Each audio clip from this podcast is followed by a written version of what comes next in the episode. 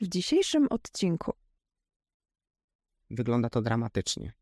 Byłem tym zszokowany. Pomyślałem, że w gronie młodych ludzi to mówię, to na pewno tam 70-80%. Mówię, może ktoś o tym nie słyszał. Jak już e, słyszę RODO, to mi się po prostu scyzoryk otwiera w kieszeni. Ostatnio dostałem telefon od cyberprzestępcy, który mi powiedział, że y, wyciekło z mojego konta 500 zł.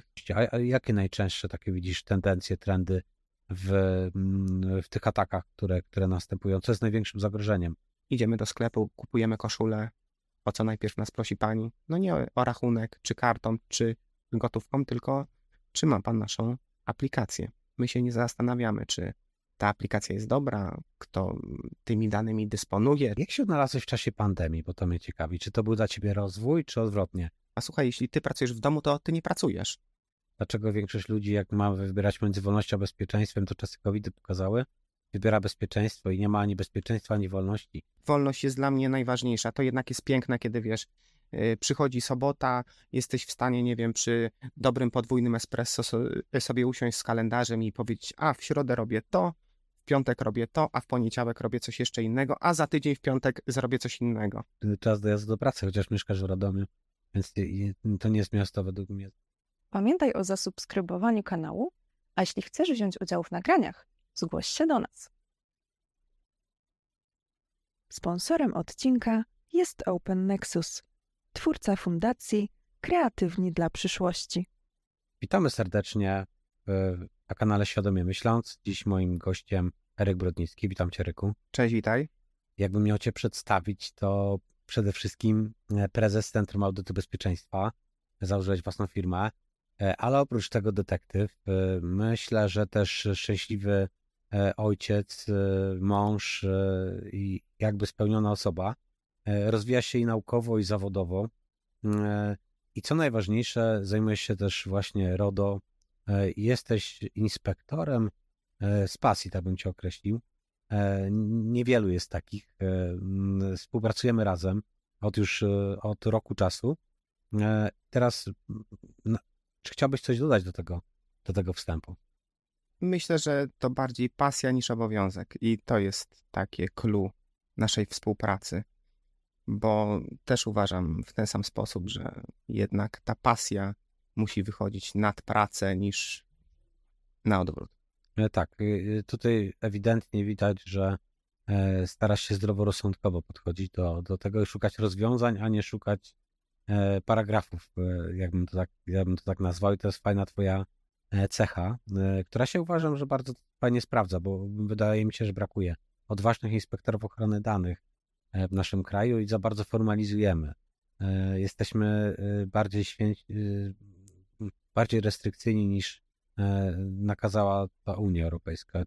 Tak też popierasz ten, ten argument tutaj? Wiesz, ja nie wiem, jak jest w innych krajach, bo nie mieszkałem nigdzie dłużej gdzieś za granicą, ale u nas chyba jest taka maniera, że albo coś jest białe, albo coś jest czarne. U nas nie ma nigdy takiego, takiego złotego środka, albo już kochamy tego Lewandowskiego, który strzela cztery bramki Realowi, albo go nie kochamy, bo nie strzelił karnego z Meksykiem. To jest po prostu chyba taka nasza cecha narodowa. Hmm? A czy pamiętasz, jak się, jak się spotkaliśmy po raz pierwszy? Jaki był nasz pierwszy kontakt w ogóle? To, tak, to już rok czasu temu było, natomiast y, zastanawiam się, czy, czy rozkminiałeś to. Wiesz, y, bardzo dużo startuję w przetargach. To jest też y, element gdzieś pracy pod kątem, czy to właśnie RODO, czy to kwestii związanej z bezpieczeństwem informacji. Widziałem wasze zapotrzebowanie na inspektora ochrony danych i widać od razu ludzi, którzy przygotowali ogólne warunki zamówienia. Widać od razu treść zapytania ofertowego. Czy my szukamy takiego formalisty, który będzie tutaj, nie wiem, przyjeżdżał do Was do Poznania y, trzy razy w tygodniu y, i gasił światło i zapalał i udawał, że coś robi i będzie mówił, że jest fantastycznie i, i będzie malował trawę na zielono? Czy y, szukacie osoby, która w kreatywny sposób będzie szukała rozwiązań pod kątem ochrony danych osobowych? Przeczytałem to, tutaj dużą wartością też było to, że mogliśmy się przed złożeniem oferty spotkać, porozmawiać o oczekiwaniach, co Was interesuje, co Was nie interesuje, i myślę, że to już na tym etapie widać, y, czy jest partner do rozmowy, czy tego partnera do rozmowy nie ma. Tak, wybierając usługę to jest ważne, że, że jakby raczej kluczem jest rozmowa, czyli oczywiście e, poprzez platformę klasyfikujemy sobie, byłeś tych trójce wykonawców, których wybraliśmy, którzy się gdzieś tam wyróżniali na etapie złożenia oferty. E, natomiast od rozmów uzależniliśmy to, czy podejmiemy, czy, czy będzie flow, czy nie będzie tego flow i to jest kluczowe w usługach. Chyba tego trochę brakuje w zamówieniach publicznych. Staramy się to bardzo mocno drożyć, szczególnie w zakupach regulaminowych, bo w przetargach no nie będzie tego. Tam zawsze musi być ten formalizm, na, na czym musi być. Do tej pory, bo ustawa tego nakazuje, e, e, to nakazuje. Natomiast w chwili obecnej musi być, w regulaminowych nie musi. Często takie zapytania spotykasz, takie mniej, mniej formalne, czy raczej to jest rzadkość? rzadkość, chociaż mm, to jest o tyle ciekawe dla mnie, jako dla wykonawcy, że jestem w stanie sobie zobaczyć, że o naprawdę ktoś się nad tym zapytaniem, nad tym przetargiem pochylił. Chce naprawdę, żeby ta usługa nie była najtańsza, ale żeby była dobrze wykonywana. I to jest też pewnego rodzaju wartość. W, moim przypadku czasami tak jest, że muszę jechać na etapie, nie wiem, drugiego, trzeciego etapu przetargu i pokazać prezentację, jak ja szkole, bo y, jednym z zadań jest y, szkolenia, y, są, są szkolenia, które realizuje inspektor ochrony danych i to też jest wartością dla tych osób, które chcą zobaczyć, czy te szkolenia będą nudne, czy nie. Budujmy, y, budujmy świadomość, żebyś świadomie myśląc. Tak, e, czyli zgodne z tematyką naszego kanału. E, I teraz e, tak, poznaliśmy się faktycznie poprzez platformę, czyli można powiedzieć w sposób bardziej formalny. Teraz ta współpraca jest już taka mniej formalna, jak się odnalazłeś w czasie pandemii, bo to mnie ciekawi? Czy to był dla ciebie rozwój, czy odwrotnie? Czy potraktowałeś pandemię jako szansę, czy zagrożenie e, z twojej perspektywy? Powiem coś niepopularnego, ale y, mi pandemia pomogła.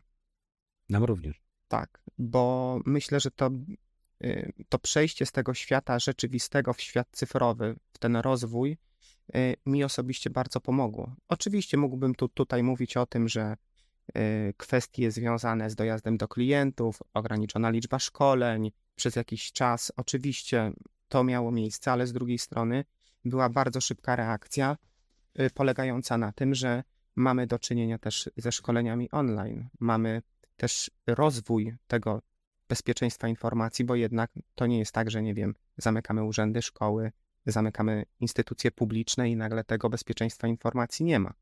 Tak więc to jest temat y, rzeka, ale mi paradoksalnie ta pandemia pomogła. Między innymi dlatego, że zmieniła nasz sposób myślenia, że nie musimy, nie wiem, spotykać się y, raz w tygodniu w, w siedzibie, pić kawę, y, martwić się o parking w Warszawie, tylko wystarczy, że się umówimy na kola, omówimy te najważniejsze kwestie i to jest praktycznie to samo. A jaka jest oszczędność czasu? Chociaż zdalnie pracowałem jeszcze przed pandemią. Tak więc to nie jest tak, że to było dla mnie nowum. Nowym, tylko jakby pomogło większej ilości klientów i nie było już tego argumentu, prawda, że no proszę przyjechać. Nawet pomogło mojej rodzinie, bo bardzo duża część mojej rodziny stwierdziła: Słuchaj, jeśli ty pracujesz w domu, to ty nie pracujesz. A jednak jeśli później 90% musiało gdzieś tam pomaszerować na y, różnego rodzaju komunikatory internetowe, to widać było, że po jakimś czasie mi zwracali uwagę, słuchaj, wiesz co, jednak praca z domu to praca i kręgosłup boli i jakoś tak nie ma z kim pogadać, to jednak to też jest praca. Ma to swoje plusy. Tak, e, na pewno czas dojazdu do pracy, chociaż mieszkasz w Radomiu, więc to nie jest miasto według mnie zakarkowane, takie jest przynajmniej moje, moje wyobrażenie, ale mimo wszystko ta oszczędność pewnie, pewnie jest. Nie? Olbrzymie. E, jeśli mówimy o jakichś większych miastach, Warszawa, Poznań. Y, szereg mam znajomych, którzy mówią, wiesz, ja sam, y, sam dojazd do pracy mi zajmuje godzinę, półtorej, bo są korki. Czegoś takiego w pracy zdalnej nie ma i to jest duża oszczędność czasu i falę sobie pod tym kątem. No dobra, ale przejdźmy do, myślę, że tak, dużo inwestujesz w rozwój.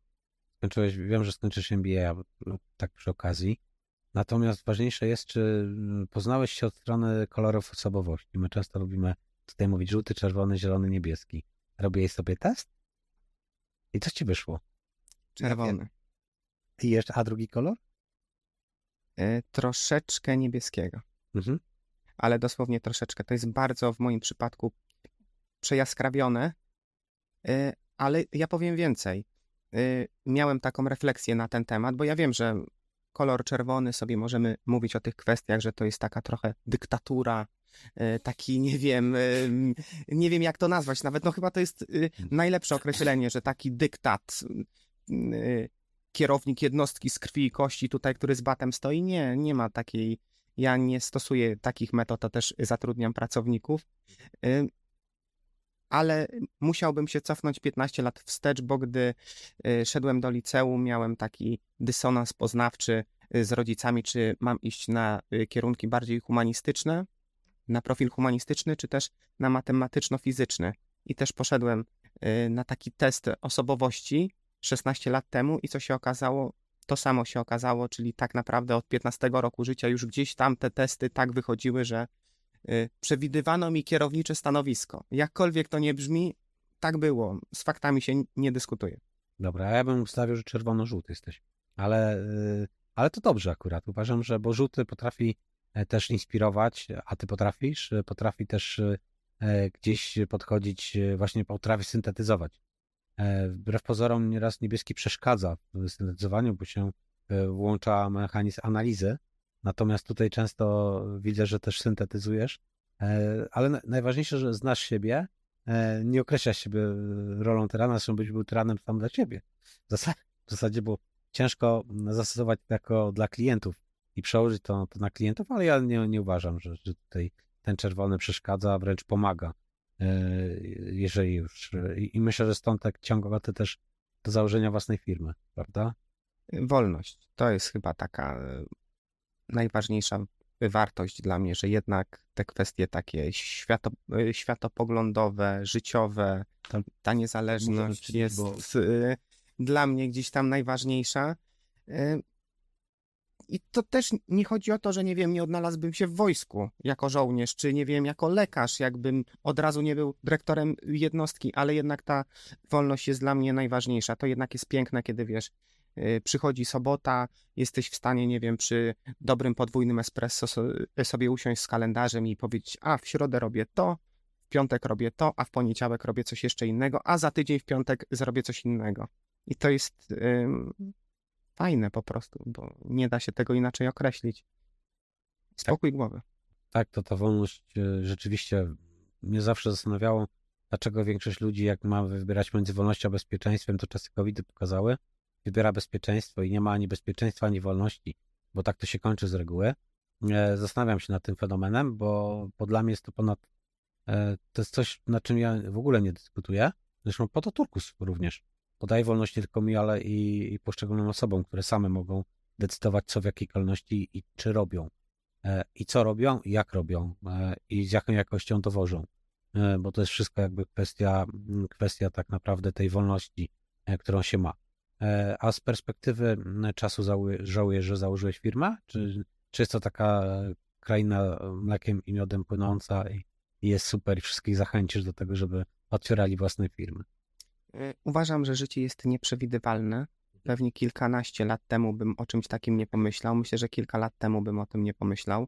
Żona mnie bardzo do tego motywowała, bo mówiła, ja lubię tak z tobą spędzać czas, dobrze by było, gdybyś pracował z domu, bo tak to to mogę przyjść, do ciebie się przytulić, zjemy wspólnie obiad. To jest zupełnie inna sy sytuacja niż y, taka, gdzie maszerujesz na 8 godzin czasem jako młody człowiek więcej, no bo przecież też chcę zarobić więcej pieniędzy. Uważam, że firma uczy odpowiedzialności, w jakiś sposób też y, daje samorealizację, daje wolność, decyzyjność, naznaczamy sobie kierunki działania, jak to ma wyglądać, jakie usługi chcemy świadczyć, czy się skupiamy na jakimś jednym urywku, jeśli chodzi o y, usługi, czy chcemy tak holistycznie bardziej popatrzeć. Y, myślę, że ten duch, jestem zwolennikiem tego, żeby odczarować ducha przedsiębiorczości w Polsce. To na pewno. To jest jedna z naszych cech narodowych. Uważam, że przedsiębiorczość to jest coś, czym się wyróżniamy ona teraz jest tłamszona i teraz jest jakby mm, ta klasa średnia niszczona e, od wielu, wielu lat. E, my jej nie szanujemy. Nie wiemy, że tak naprawdę do dobrobytu społeczeństwa jest, jest niezwykle potrzebna klasa średnia, że nie będzie niczego pomiędzy korporacjami, i nie wiem, spółkami Skarbu Państwa i nie będzie tej klasy średniej, e, to nie będzie alternatyw, to nie będzie wyboru, to nie będzie rozwoju i, e, i myślę, że ludzie, no, ale to jest kwestia bezpieczeństwa i wolności, że my to podświadomie bieramy, więc klasa średnia nie jest z reguły bezpieczna, ona musi ryzykować. Ona musi bardzo wiele rzeczy robić pod prąd. I faktycznie jest taki apel, myślę, że żeby nie stygmatyzować klasy średniej, nie? że ona jest bardzo ważna, a niestety nie jest tutaj traktowana priorytetowo. A uważam, że to jest klucz do gospodarki, e, do, do sukcesu naszej gospodarki. Też tak uważasz? Tak, oczywiście to widać na przykładzie Niemiec. Nie trzeba daleko szukać. U nich tak naprawdę e, te kwestie związane z przedsiębiorczością są wystawione na piedestał. To jest gospodarka, która się opiera właśnie na małych, średnich przedsiębiorcach.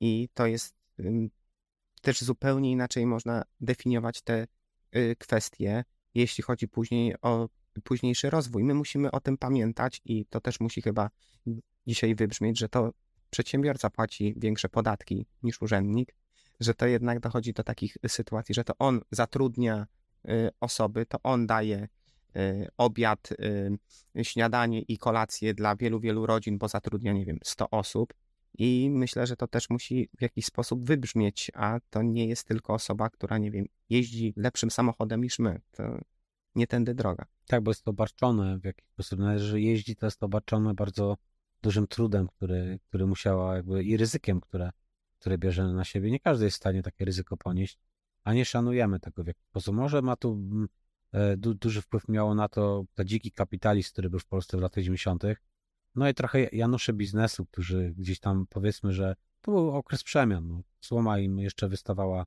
e, z butów e, i nie zawsze zachowywali się etycznie, e, fair. Wykorzystywali też moment, że było dużo bezrobocia, więc wykorzystywali pracowników. Więc myślę, że mamy taki stereotyp i wyobrażenie tego dzikiego, dzikiego kapitalizmu. Chociaż z drugiej strony, no przecież też tak na osoby, które miały jakieś działalności gospodarcze w czasach komuny, też się gdzieś tam y, prześmiewczo mówiło, że to prywaciarze, że tak naprawdę to jest taki inny kaliber, oni chcą mieć pieniądze, a tutaj każdy powinien mieć tak samo i, i będzie dobrze, jak każdy ty taki sam będzie. Tak, a to jest niemożliwe. Mi bliżej do, do tego mm, jakby określenia dobrostanu, czyli żebyśmy szukali tego dobrostanu, żebyśmy szukali szczęścia dla siebie. E, I nie zawsze to jest to, to że musimy naśladować sąsiada, e, a wręcz odwrotnie, im bardziej będziemy go naśladować, tym mniej będziemy, będziemy szczęśliwi. Musimy siebie naśladować. Znaczy podążać, nie naśladować. Podążać za własnym głosem. Starcaty widzę, że starasz się to robić. A co się stało, że zająłeś się w ogóle RODO? To przecież taka dziedzina, szczerze, jak słucham, powiem wprost, no, może nie powinienem, ale jak już słyszę RODO, to mi się po prostu scyzoryk otwiera w kieszeni. E, Unia to wypaczyła. Ja wiem, że to był trochę akt w kierunku takich firm jak Facebook, jak Google, jak inne, ale ono zabija MSP i nikt nie przewidział, tak jak fajne jest ustawodawstwo w Anglii, że na przykład mała spółka to w ogóle z tej ustawy to musi tylko znać jedną stronę, e, średnia spółka to musi tam 10, a, a duża korporacja musi znać całą ustawę. To tutaj niestety zabrakło czegoś takiego. Obarczyliśmy bardzo dużą ilością papierów MSP właśnie. Przez to to wyobrażenie o RODO jest, jest straszne. Jeszcze dodatkowo jest to formalizm nad formalizmem ja zasypiam, jak już mam, mam, mam po prostu mm, przerabiać. To na twoich szkoleniach nie zasnąłem. To jest fajne. I, i tutaj jakby chwała ci za to, bo, bo są krótkie, bo są treściwe, bo są nastawione na przykłady.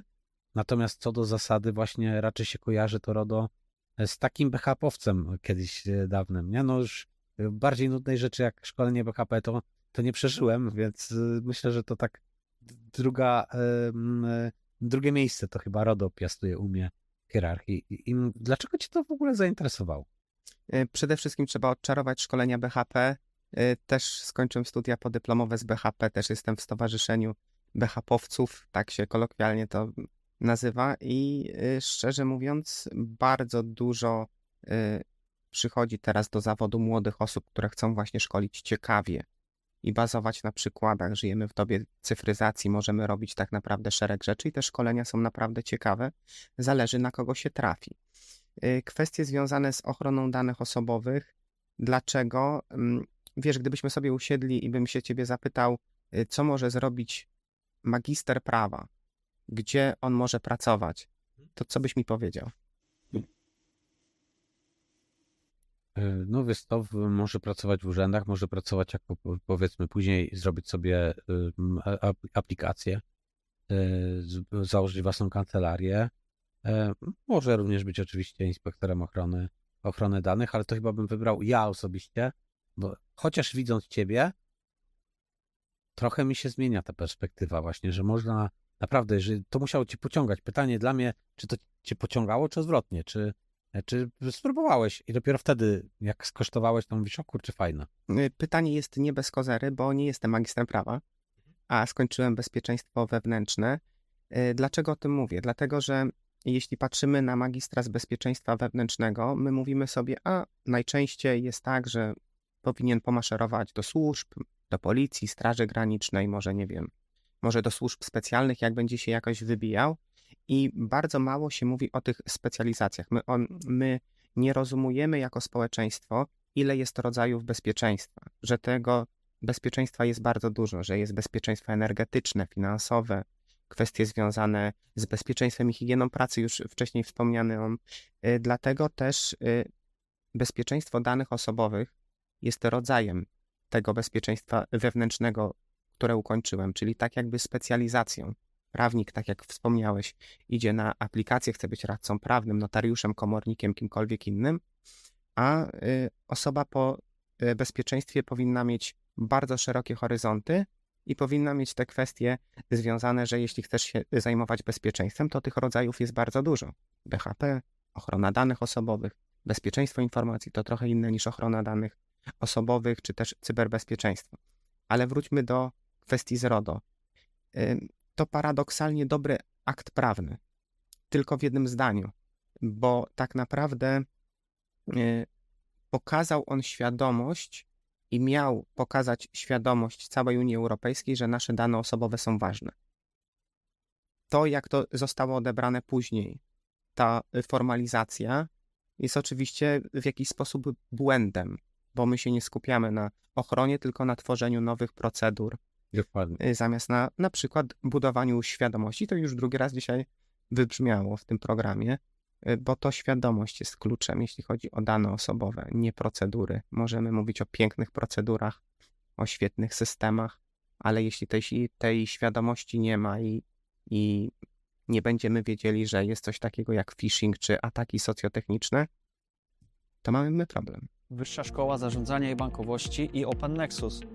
O trybie podstawowym od podstaw, a o przetargu nieograniczonym bez żadnych ograniczeń. To doskonała okazja do nawiązania nowych kontaktów, poznania nowych ludzi, ekspertów w branży i wymiany doświadczeń. Program studiów opartych o Procure.com.eu to kompletnie nowa jakość. Będziemy się skupiać nie tylko na umiejętnościach twardych, już wiemy, że znacie ustawę, ale także na umiejętnościach miękkich, takich jak komunikacja wewnątrzzespołowa, zarządzanie zespołem, czy też prowadzenie negocjacji z wykonawcami.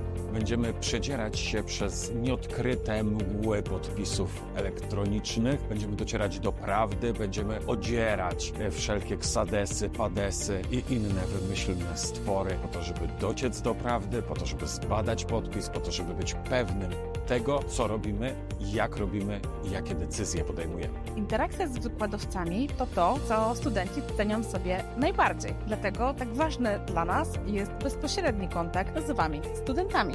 Gwarantujemy największą dawkę wiedzy praktycznej, bezpośrednio od praktyków zamawiających.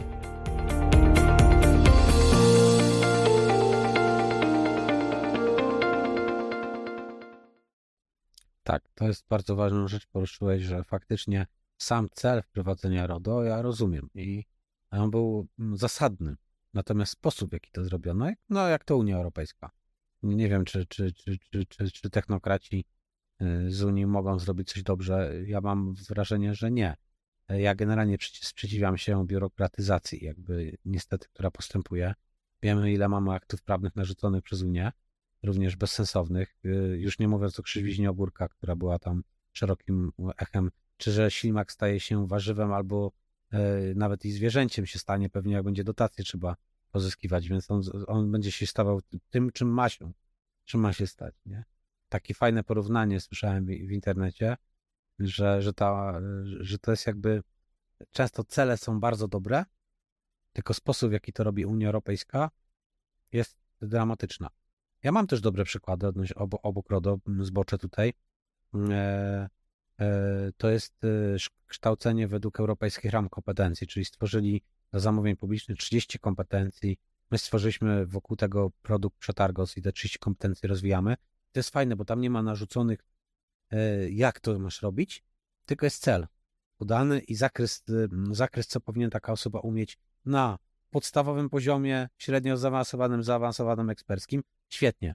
Natomiast tutaj chyba poszliśmy e, o ten krok dalej, ale tutaj wiele wątków poruszyłeś, bo raz z czym się zgodziłem, że cel był słuszny, metoda niekoniecznie i MSP zarzuciliśmy stekiem niepotrzebnych e, przepisów, które muszą respektować i to obciąża MSP i to zniechęca wręcz niekiedy do, do zakładania biznesu.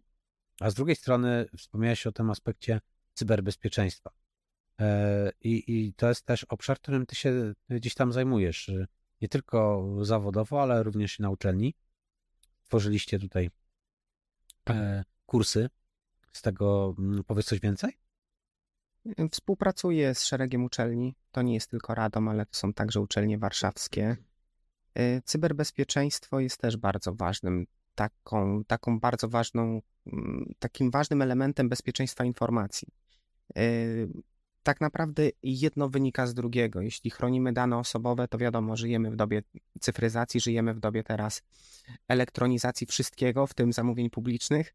E, I tak naprawdę mamy też kwestie związane z cyberbezpieczeństwem, bo to się niejako przenika. To jest też y, ważny element, y, jeśli chodzi o te kwestie. Udało nam się uruchomić jedną edycję studiów Inspektor Ochrony Danych y, na uczelni w Radomiu, które koordynowałem.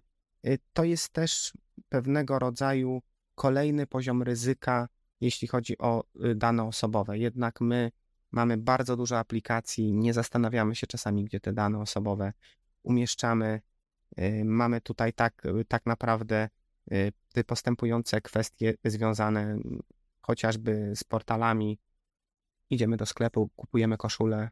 O co najpierw nas prosi pani? No nie o rachunek, czy kartą, czy gotówką, tylko czy ma pan naszą aplikację. My się nie zastanawiamy, czy ta aplikacja jest dobra, kto tymi danymi dysponuje, czy dojdzie do jakiegoś wycieku, czy był tutaj jakikolwiek wyciek to wynika tak naprawdę jedno z drugiego. Bardzo co się to łączy. Ochrona danych osobowych i właśnie kwestie związane z cyberbezpieczeństwem. Tak, my też to, to szerzej patrzymy, jakby e, nie, mieliśmy, nie musieliśmy mieć inspektora ochrony danych, ale przez to, że, że mamy ISO 27001, 27017 i 27018, to częścią tego jest tak naprawdę też e, e, ochrona danych. I, I jakby naturalnie konsekwencją jest, żeby to robić dobrze, żeby mieć na stałe kogoś, eksperta, kto rozumie. Niektóry tylko przychodzi doraźnie i coś tam zleca stworzenie dokumentów, e, bo tak się często dokończy, e, tylko faktycznie rozumie biznes i dostosowuje go, go cały czas.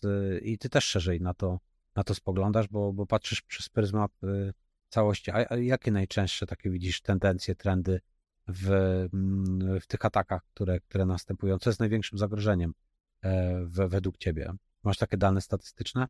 No tych statystyk bardzo dużo y, prowadzą banki.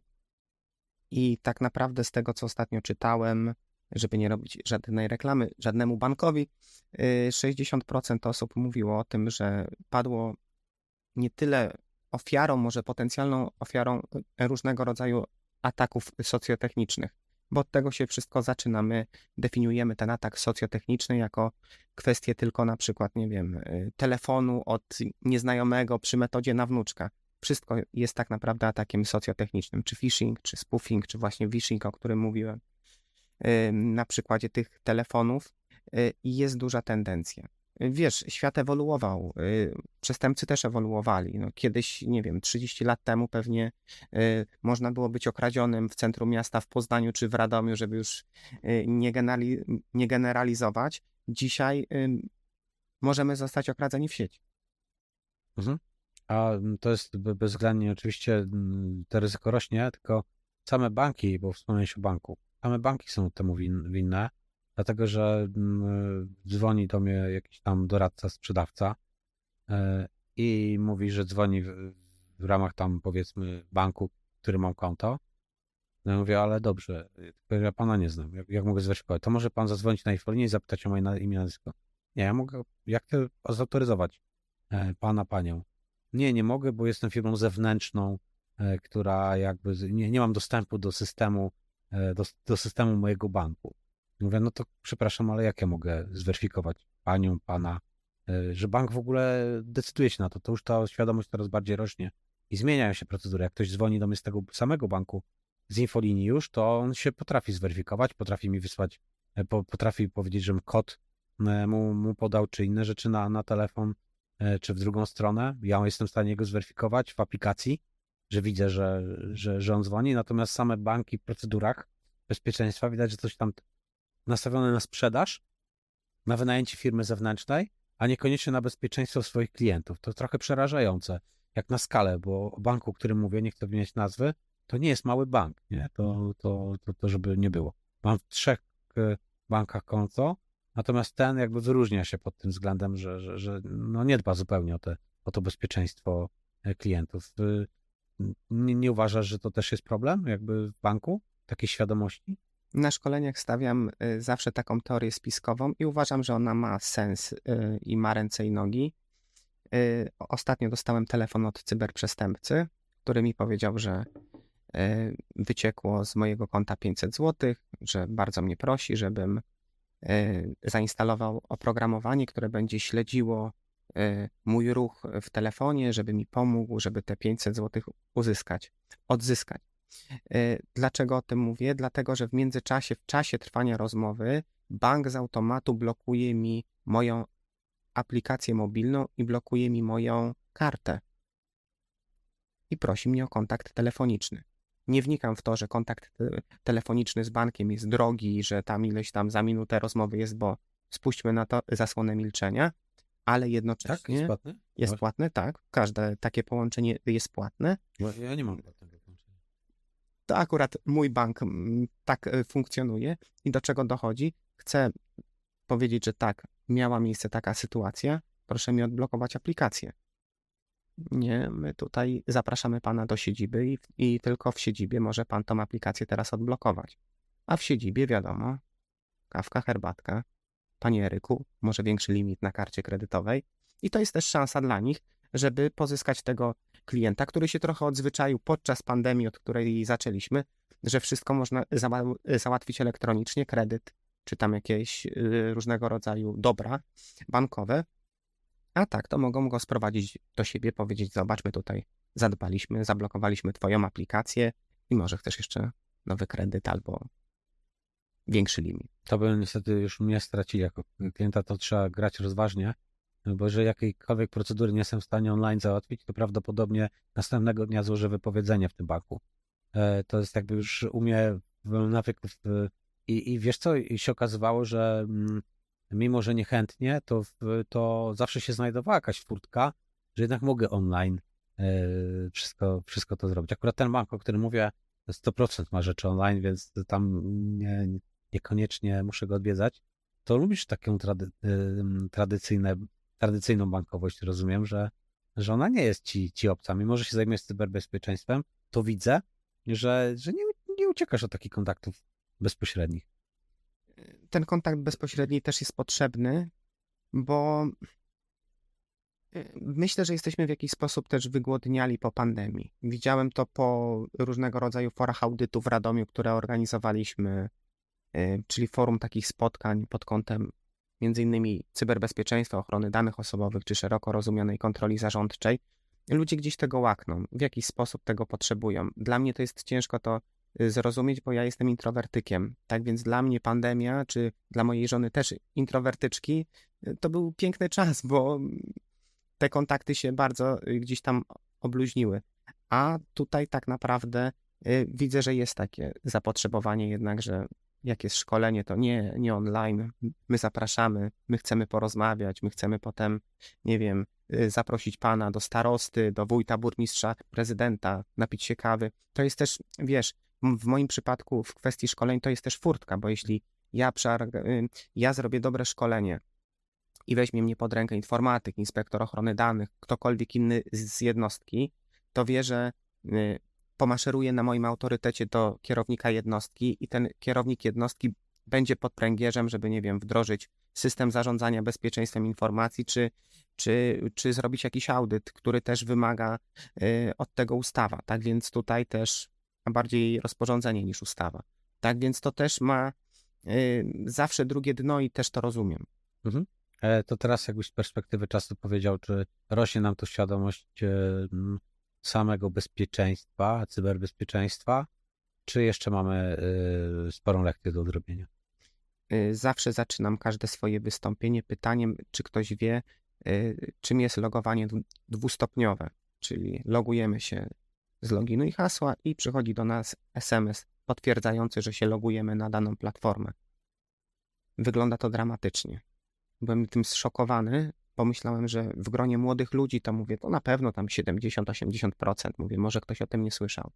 Naprawdę nieważne, czy to jest odsetek ludzi w wieku 40 plus, 50 plus, 60 plus, czy idę do swoich studentów i, i się pytam, kto ma to logowanie dwustopniowe, z tym jest duży problem, a to jest jedna z takich najlepszych metod tego, żeby jednak nikt nam tego konta nie wykradł, czy to w mediach społecznościowych, czy to w bankowości elektronicznej.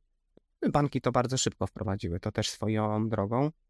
Odpowiadając na pytanie, ta świadomość jest cały czas słaba jest naprawdę na niskim poziomie. Nam się wydaje, że ten internet jest bezpieczny. My wierzymy, że e, ten Facebook, ten Instagram, wszystko jest z nim w porządku, a e, rozmawiamy w takim fajnym czasie, bo e, w ubiegłym miesiącu RODO miało swoje pięciolecie i na taką chyba takim prezentem na to pięciolecie była kara od Unii Europejskiej miliard dwieście milionów euro kary Y, właśnie na Facebooka, Instagram i na y, WhatsAppa z uwagi na transfer danych osobowych. Tak więc to też jest taka tematyka. Może Facebook zniknie za jakiś czas. E, tak, jeżeli będzie gdzieś tam nadużywał, tylko tutaj y, o tyle mi się to nie podoba, że jest to w rękach urzędników, a nie w rękach. Ja bym raczej furtki dawał ludziom do tego, żeby pozwy zbiorowe robili i żeby te, te pieniądze gdzieś tam mogli mm, e, własne e, w jakiś sposób uzyskać odszkodowania, aniżeli w kierunku, w kierunku urzędników. E, I tutaj tylko mam filozofię, w której uważam, że jeżeli urzędnik wchodzi pomiędzy biznes, to nigdy się to dobrze nie kończy. Nie? Z reguły kończy się socjalizmem. I, I na tym jakby chciałbym po prostu w akcencie zwrócić uwagę, że to nie zawsze rozwiązanie to jest ten urzędnik, który niekoniecznie rozumie e, biznes. To teraz chyba moja kolej, bo yy, świadczę dużo usług doradczych. Często wdrażamy system zarządzania bezpieczeństwem informacji, system ochrony danych osobowych, prowadzimy szkolenia. Nie jestem w stanie wszystkiego zrobić, często korzystam z podwykonawców. Piękna sytuacja jest właśnie przy okazji przetargów zawsze. Yy, żeby rozpisać przetarg, Czyli jest jakaś potrzeba, jest potrzeba wdrożenia systemu zarządzania bezpieczeństwem informacji, bo wynika to z krajowych ram interoperacyjności. Urząd nie jest w stanie sobie z tym poradzić. Do czego dochodzi? Dochodzi do tego, że dobrze, znajdźmy środki finansowe, rozpiszmy przetarg, niech przyjdzie firma doradcza, niech nam poopowiadają, jakby to zrobić. Przychodzi firma doradcza, mówi, zróbmy to w ten i w inny sposób, tak, fajnie, proszę nam pomóc, bo za tydzień mamy kontrolę, czy za dwa.